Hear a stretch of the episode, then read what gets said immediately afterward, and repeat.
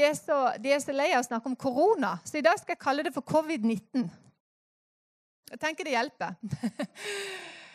Når, eh, for en liten stund siden så så, så meg og Israel på en dokumentar om de første 100 dagene med covid-19 i landet vårt. Eh, det var mange forskjellige folk som hadde fått, eh, beskjed, fått oppdrag da, å filme sitt liv om hva skjer nå. Og jeg må si at jeg hadde helt glemt mars og helt hvordan denne følelsen var. Og hvordan det der livet ble snudd helt opp ned fordi at vi har liksom kommet i en sånn ny normal. Vi har liksom blitt vant til Det er jo helt selvfølgelig at du liksom, selvfølgelig spriter du den når du går inn i et rom, og når du går ut av et rom. Eller ikke, altså ikke hjemme, da, men jeg er jo lærer, da. Så jeg spriter meg liksom ut og inn og ut og gjennom hele dagen. Og eh, når du kommer på møte, ja, så melder du deg på. Så, altså, det, det, er ganske mange ting. Du holder avstand. Jeg mener, I går så sto jeg i butikken, og det var en tolvåring og stakkar tolvåring. Men dette, eh, altså jeg, sto, jeg sto i kø, så plutselig sto det en der bak meg. Og med en gang så reagerte jo jeg. Jeg, jeg så det, men var sånn Seriøst, liksom? Sånn står vi jo ikke i kø lenger. Før så sto vi jo sånn i kø.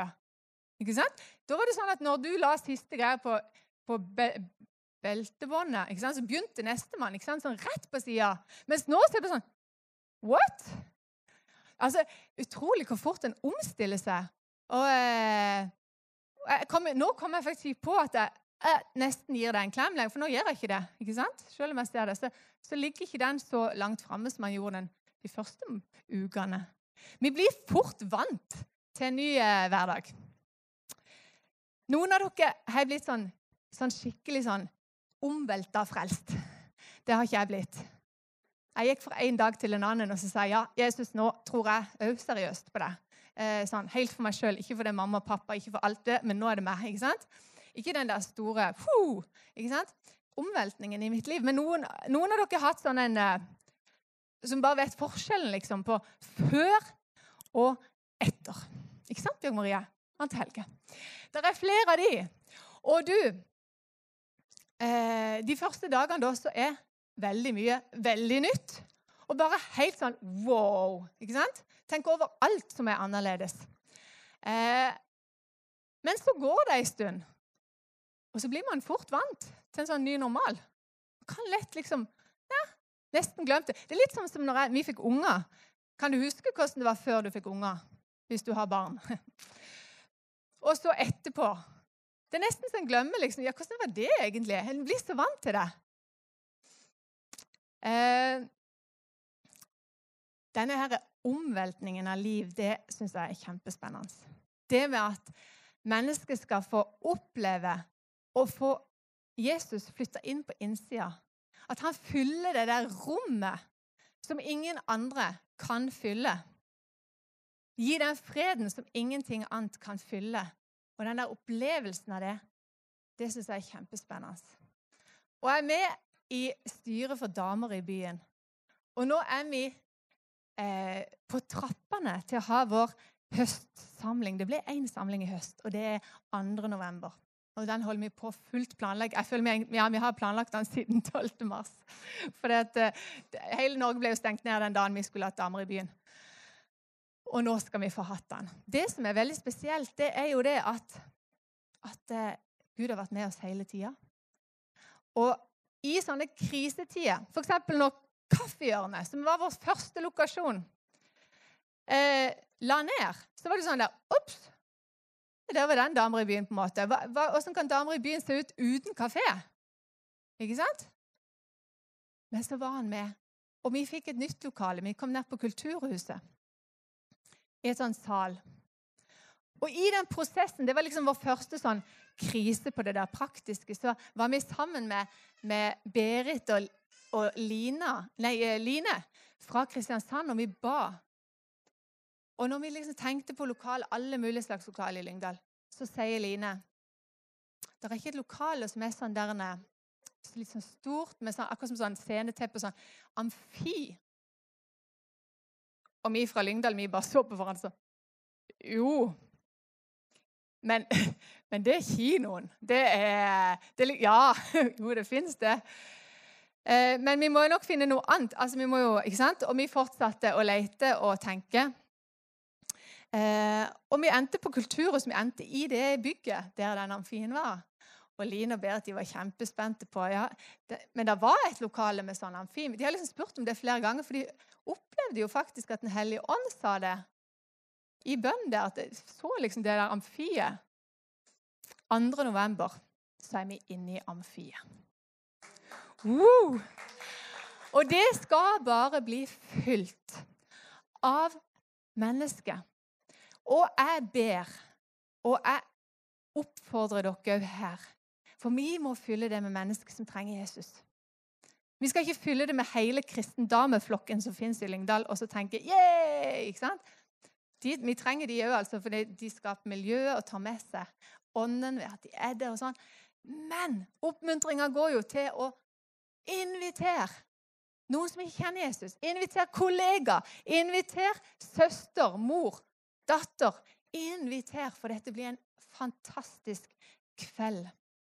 Og nå tenker du nå er du helt på sida av talen din. Ja, eh, ikke helt. For Den hellige ånd, han virker på oss.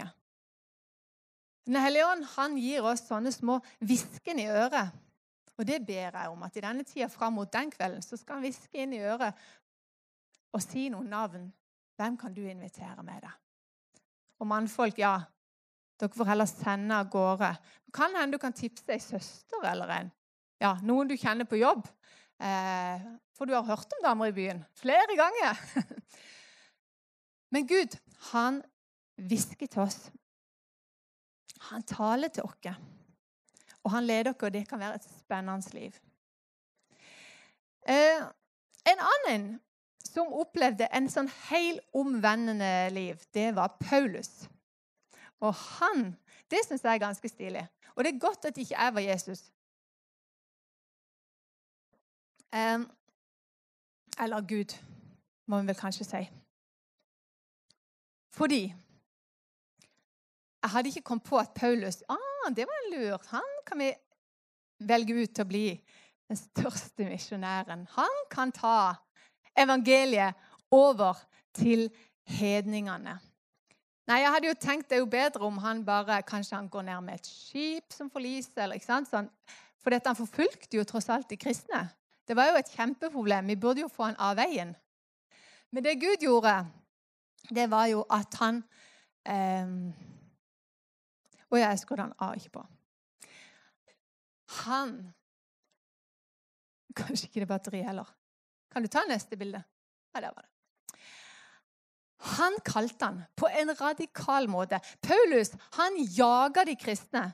Han fanga de, han var med og sørga for at de ble torturert, de ble fengsla og til og med drept. Og så slås han i bakken av et møte med Gud. Og så ber han Ananias om en, en, en etterfølger av Jesus om å gå til han da han sitter Han har ikke syn engang etter etter det møtet. Han sitter inne i et rom. Og så ber han Ananias gå til han for han trenger meg. Og idet han legger hendene på han, så får han se igjen. Og så blir han fylt med Den hellige ånd. Og jeg tenker at det synet hans var ganske annerledes etter den opplevelsen enn det var før. Den hellige ånd ga han et nytt syn.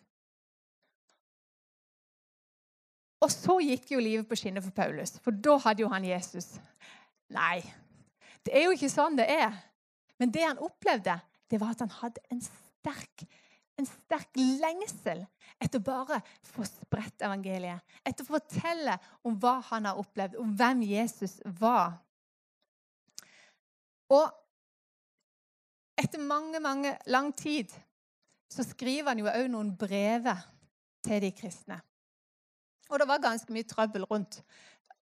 Ganske mye sånn eh, formaninger og sånn. Men men i de brevene så skriver han òg noen bønner over de kristne. Han ber for dem. Og nå skal jeg lese dem, og dere kan slå opp om dere har Bibelen på telefonen eller i hånda di. Jeg ber Og nå tar jeg først Efeserne 1,17. Jeg ber om at vår Herre Jesu Kristi Gud, herlighetens Far, må gi dere visdom og åpenbaringsånd.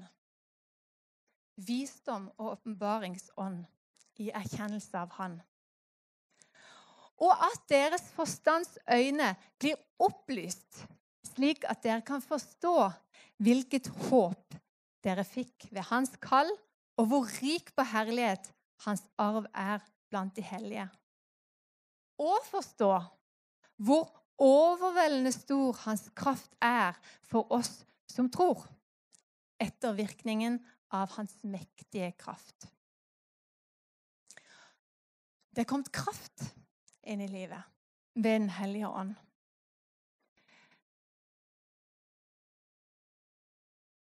Det var den han lot virke i Kristus da han reiste han opp fra de døde og satte han ved sin høyre hånd i den himmelske verden. Høyt over myndigheter, makt og kraft og herredømme. Og over hvert navn som nevnes, ikke bare i denne tidsalderen, men også i den kommende. Han la alle ting under hans føtter og ga ham til menigheten som hode over alle ting. Menigheten som er hans kropp. Fylden av Han som fyller alt i alle. Hva er det han ber om? Han ber om at vi skal få visdom og åpenbaringsånd. At vi skal få åpna øynene så vi ser hva vi allerede har fått. Trenger vi det én gang i livet? Nei, vi trenger det om og om og om igjen.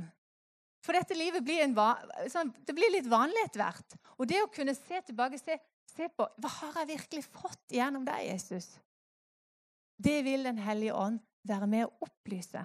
Han lyser på det. Og så står det i en liten kommentar om visdom og åpenbaring. Det må ikke oppfattes som noe mystisk. Visdom har med det praktiske, håndterbare prinsippet å gjøre. Og åpenbaring betyr en klar oppfattelse og en anvendbar forståelse. Den hellige ånd er den guddommelige og overnaturlige kilden til begge deler. Så ved at han lyser på ordet, så åpenbares det for oss.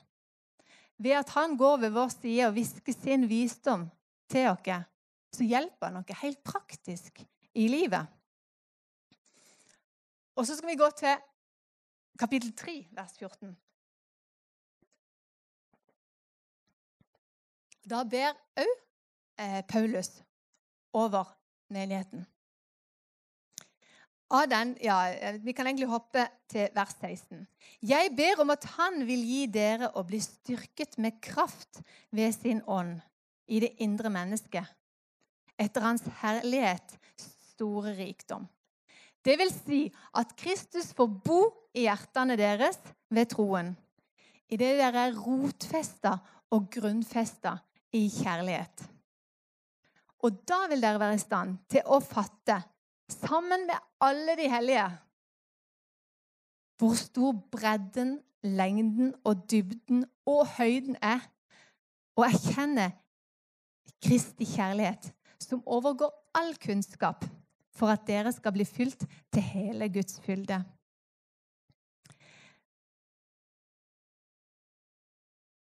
Den hellige ånd, han ber om at Den hellige ånd skal gjøre alt dette for de kristne.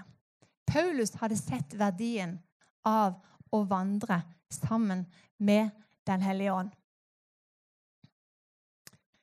Vi er avhengig av et aktivt vennskap med Den hellige ånd.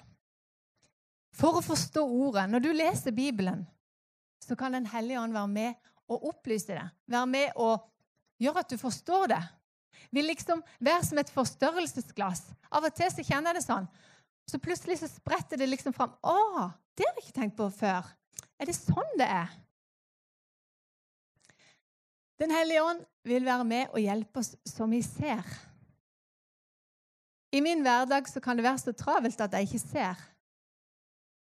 Men Den hellige ånd ønsker at jeg skal ta meg tid til å se. Og gjennom å gå sammen med han, så kan jeg se mennesket på en annen måte. Jeg kan se situasjoner på en annen måte. Jeg kan få løfta blikket, og så gir han en forståelse av hva personen eller hva situasjoner kan trenge. En visdom som kommer fra han. Den hellige ånd den gir òg kraft. Frimodighet. Det ser vi jo spesielt med disiplene når de ble fylt med Den hellige ånd. Og denne visdommen som kommer fra han. I samtale så jeg, har jeg opplevd sjøl at jeg har sagt ting som jeg tenker sjøl at Wow, det, det, var smart, Toril. Jeg tror det er Den hellige ånd som leder det. Jeg tror det er han som, som gir en visdom. Jeg tror ikke det er noe jeg trenger å rose meg av. Men han kommer av og til og gir en visdom som jeg ikke sjøl hadde tenkt på. Med noen ord til mennesket.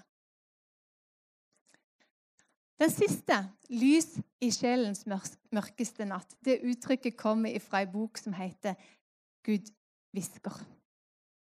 Og jeg har eh, Jeg har tatt ifra eh, en historie her, og jeg lurer på om jeg skal ta så rett og slett lese den. Um, nei, jeg tror faktisk ikke jeg skal ta meg tid til det. Jeg ser det. Men det var David som gikk fra helt fortvilelse. Han jamra og gråt over at familien, han savna familien sin. Det var David i Bibelen, altså. og alt var tatt fra han. Familie, hus og hjem og alt. Og, han, eh, og de var på jakt etter å ta han òg. Og I Samuels bok så står det at David jamra høyt og gråt til han var helt utmatta. Han savna familien, han savna sin egen seng. Han var lei av å leve på rømmen. Han vet at Gud har kalt ham til å oppfylle et bestemt formål i livet, men på grunnlag av de siste hendelsene virker det som om drømmen er bortimot død. Eller kanskje ikke. Nøyaktig to vers senere sier teksten følgende.: Men David søkte styrke hos Herren sin Gud. Så sjøl på den mørkeste, sjelens mørkeste natt, de gangene i livet der vi har det så tungt, og ting er så mørkt, så kan vi allikevel kjenne at Gud sier, 'Bare hvil deg litt. Du er trygg.' Han er der med sin ånd, til styrke og til oppmuntring og for å gi hvile. Og det syns jeg er så, så fantastisk godt. Når trenger jeg Den hellige ånd? Jo, jeg trenger den i barneoppdragelse.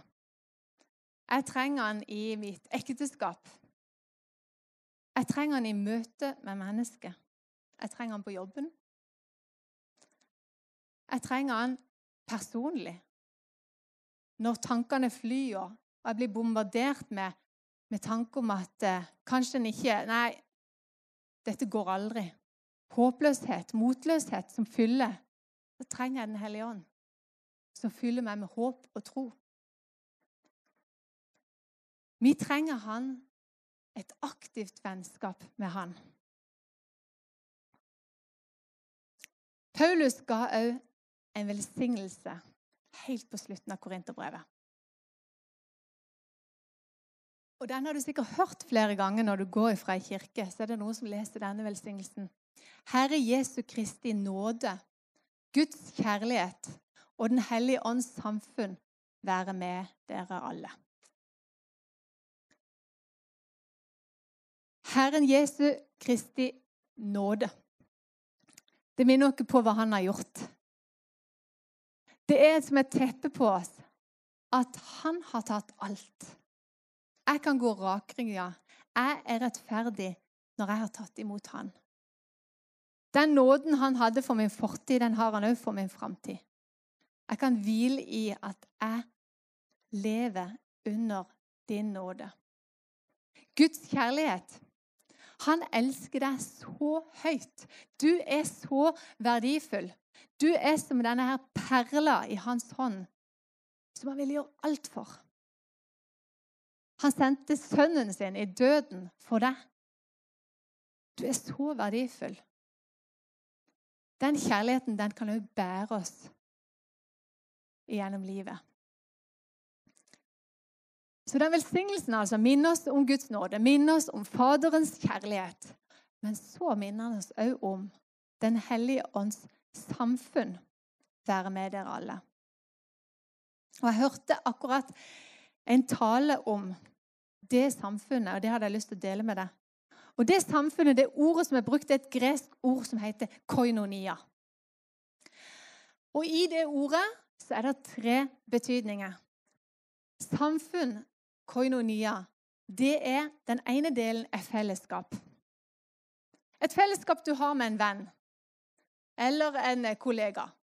Du prater, du deler liv, du har fellesskap. Du er aldri alene. Du har kanskje noen der, ikke sant? Det er sånn et fellesskap. Uh, og uh, et eksempel som han, han, som delte dette, da, hadde, det var jo at hvis du, hvis du tar, på, uh, tar, med deg naboen i bilen til jobb, og så har du kanskje 20 minutter kjørt jobb, så er det ikke sånn at du setter deg inn i bilen, og så kjører du av gårde, og så er det bare helt stille. Nei, du har jo et fellesskap der. Du prater, du hører 'ja, du sover godt i natt', 'ja, åssen går det?' Eh, og du prater liv. Et sånt fellesskap det kan du ha med Den hellige ånd. Du kan tale til han hvor hen du er. Og eh, Jeg vet ikke hvordan du har det, men bilen for meg er et sånn der samtalerom. De fineste bilturene jeg har med mine barn, det er ofte hvis vi er alene i bilen. prater i bilen. Eh, eller eh, på langturer, meg og Jan Erik, så er de opptatt med alt der. Prate i bilen. Få de der gode samtalene. Og det har jeg òg når jeg sitter alene i bilen med Den hellige ånd. Da kan jeg òg eh, dele med han og ta, snakke til han som om han sitter der. Eh, men samtidig så går det mange perioder der jeg ikke gjør det. Der jeg glemmer det helt vekk. At han er jo egentlig der. Men det er jo egentlig ganske uhøflig hvis en bare Til og med med lovsang kanskje bare durer på med lovsang. Og sånn. Og så, ja, For han vil gjerne samtale med deg. Han vil gjerne òg ha den der stilletida. Så det at, eh, han er faktisk en, en person sånn som Jesus, sånn som du ser Jesus for deg. Så er òg Den hellige ånd en del av guddommen. Han er ikke sånn du kan fylle på flaske. Litt mer hellig ånd. Ikke sant? Sånn? Nei. Han han er en person som du kan ha en relasjon med. Som ønsker å være en del av vårt liv. Og Det er en grunn når, når disiplene var helt fortvila fordi Jesus for opp til, til, til, ryggen, til himmelen. Eh, det var jo fordi han hadde vært fysisk til stede, de kunne prate med han, men de forsto det, at Jesus reiste til himmelen. Det er kanskje billioner, trillioner kilometer unna. jeg vet ikke hvor, helt hvor det er. Eh, og de satt der, og han sa 'vent på at Den hellige ånd kommer'. Det er fordi at det er en som kommer, en som er der, sånn som han var der, men på en annen måte. ikke sant? Han var ikke fysisk på én plass på ett sted og kunne snakke med én person av gangen. Men Den hellige ånd er for oss alle. Og det er noe man bevisstgjøre seg sjøl på det. Den hellige ånd er veldig konkret og kan være en veldig konkret del av livet vårt. Og så er koinonia det er jo et partnerskap. Eh, du arbeider sammen med han. Du kan stå skulder til skulder med han i tjeneste, i livet ditt. Og eh, jeg har ikke mye greie på sykling, men det var liksom det, det, var liksom det, det den sporten jeg kom på, som der det der er flere på lag. ikke sant? Men de kan jo ikke ha samtale der. ikke sant? Nå nærmer vi oss spurten. ikke sant? Men de, de ser, de leser bildet. Hva trenger vi? Og de kjenner hverandre så godt at de bare fyller hver sine roller og har et sånt partnerskap som bare fungerer helt smidig. Ikke sant? Gjør det ikke det, så er det jo ikke et veldig bra partnerskap. Men de trenger ikke nesten snakke sammen. Og så vet de, og så fyller de inn for hverandre. Drar opp så den ene kan ta spurten. Ja, som sagt, jeg kan ikke egentlig dette. Men sånn er det òg med Gud, med Den hellige ånd. Altså, han er som et partnerskap han hjelper og fyller på der du ikke kanskje egentlig har bedt han om det. Og så ser han bare ja, jeg går foran deg. Jeg fyller på. Jeg gjør det som trengs i denne situasjonen. Den siste delen er intimitet, hjerte til hjerte. Og det er noe med at eh, Du deler dine innerste hemmeligheter, ikke med hvem som helst. Ikke sant? Eh, du deler ikke det med de som du treffer på butikken, eller en tilfeldig kollega. Du deler det med de som kjenner deg best. De som er helt tett på deg. Og det krever en viss tillit. Jeg har hørt i lovsanger, og jeg syns det har vært kjemperart. Jeg har ikke forstått det, jeg har ikke likt det. Når de snakker om at Den hellige ånd er som en sjalu elsker. Seriously. Men nå skal du høre.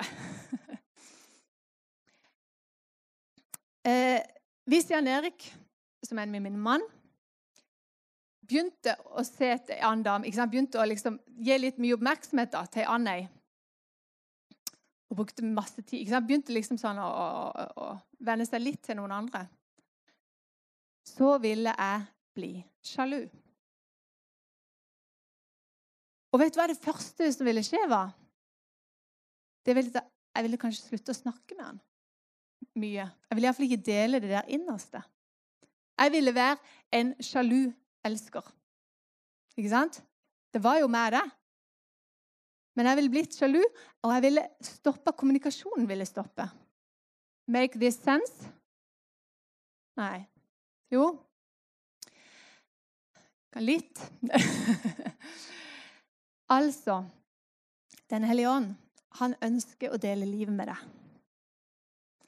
Men av og til så er vi sånn at vi venner oss til alt det denne verden ønsker at vi skal bruke tida på. Det er for eksempel ja, Nå må jeg ha det andre arket. Kjødets behag, altså komfort, for eksempel. Jeg kan lett gå inn i perioder der det er eh, bare det som behager meg, det som jeg har lyst til, det som jeg eh, syns er gøy.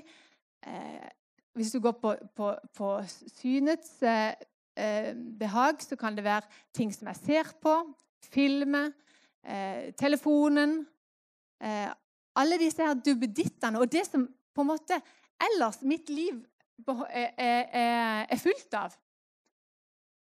Det jeg bruker pengene på, det jeg bruker tida på, jo, det er egentlig å, å, å få litt sånn behagelig liv.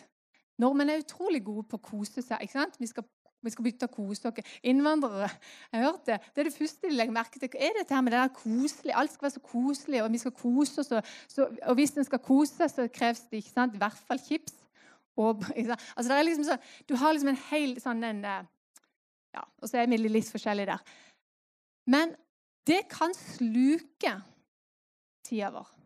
Meg og Jan Erik hadde just en samtale. Var det var du som foreslo det, at kanskje vi skulle hatt en mobilfaste? Ja, det var kommet fra en sang som du delte med meg. Eh, typisk på engelsk. Jeg har en eh, fantastisk kone, jeg har noen fantastiske barn, og jeg har en mobiltelefon i lomma. Jeg velger mobilen. Og det er, det er, så bra at noen liksom peker på det, men det er noe med det at hva er det vi velger?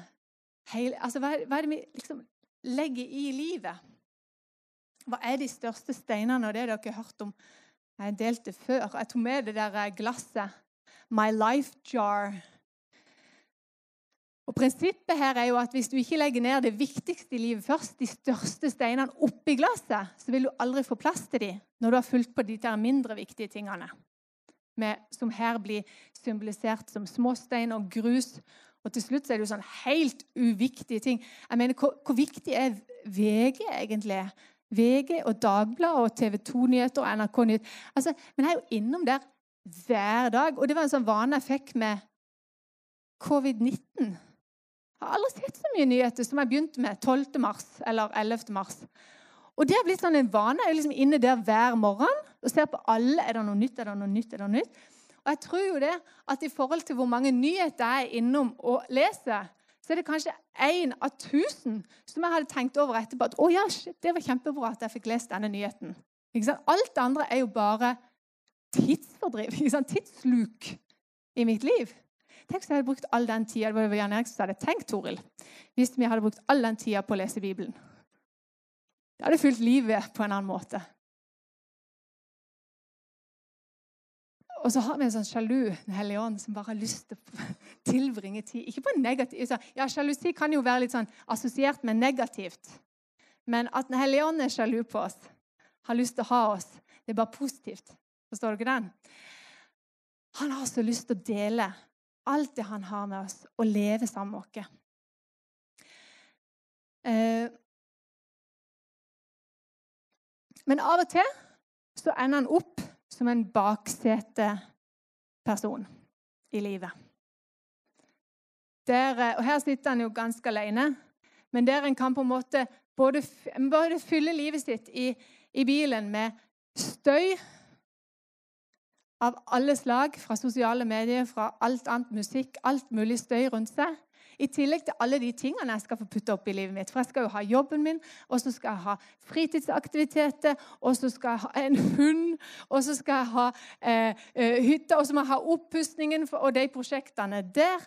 Og så skal jeg ha Og til slutt så ser jeg for meg at han nesten sitter Jeg ser det for meg fordi jeg har sett det òg på Rock Nation, faktisk.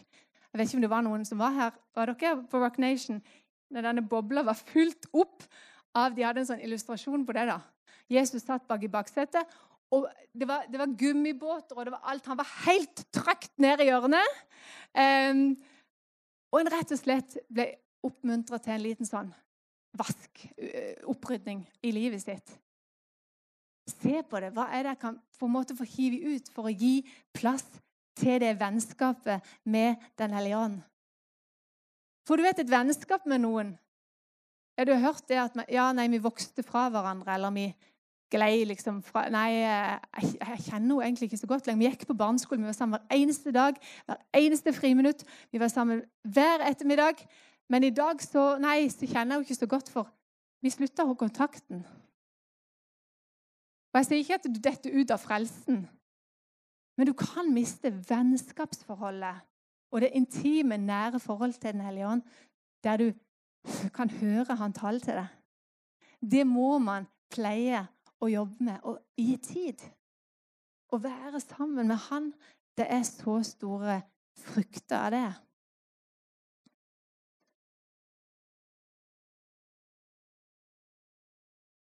Min lengsel, det er å kjenne din stemme, din stille hvisken. Min lengsel er å leve livet sammen med deg. At det som er viktig for deg, Hellige Ånd, er det som er viktig for meg. Min lengsel er å se mennesker forvandla av deg, og at jeg får være med på det. Har du en lengsel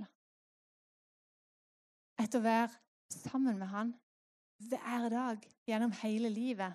Kunne gå sammen med Han når du skal til jobb, når du skal til det ene og det andre, og alltid kjenne det 'Jeg er ikke alene. Du er jo her.' Og Da kan man av og til bare få den der stille hviskende. Og det er jo som din egen stemme i hodet, egentlig. Men du kjenner så forskjell at nå fikk jeg et hint ifra han.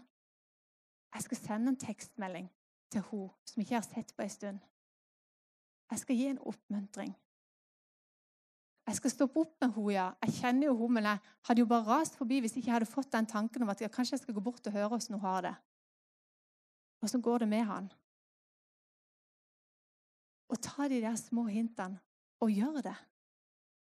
For eh, Jesus sa det sjøl. Min mat er å gjøre Guds vilje. Og hva er det mat gjør? Jo, mat gir næring til livet. Mat gir en kraft. Mat gir overskudd. Og det å kunne lytte til Den hellige ånd og få være med og gjøre det han sier, det gir en sånn fantastisk glede inn i livet. En fantastisk glede, og det er en fantastisk eventyr å få være med på det. Jeg har kjempeforventninger framover, og jeg tenker mange ganger på at åh, oh, Gud, må jeg ikke gå glipp av det? Må jeg få være med og stå midt i det du vil gjøre her i Philadelphia, i Lyngdal. Ute der òg. Nå har vi et redskap som damer i byen, og du har masse kontakter der du er. Du trenger ikke et opplegg, men du trenger vennskap med folk som ikke er kristne. Vennskap med folk som trenger Jesus. Der du òg kan bare få lov å bety en forskjell og se menneskeliv forvandla. For han elsker oss så mye.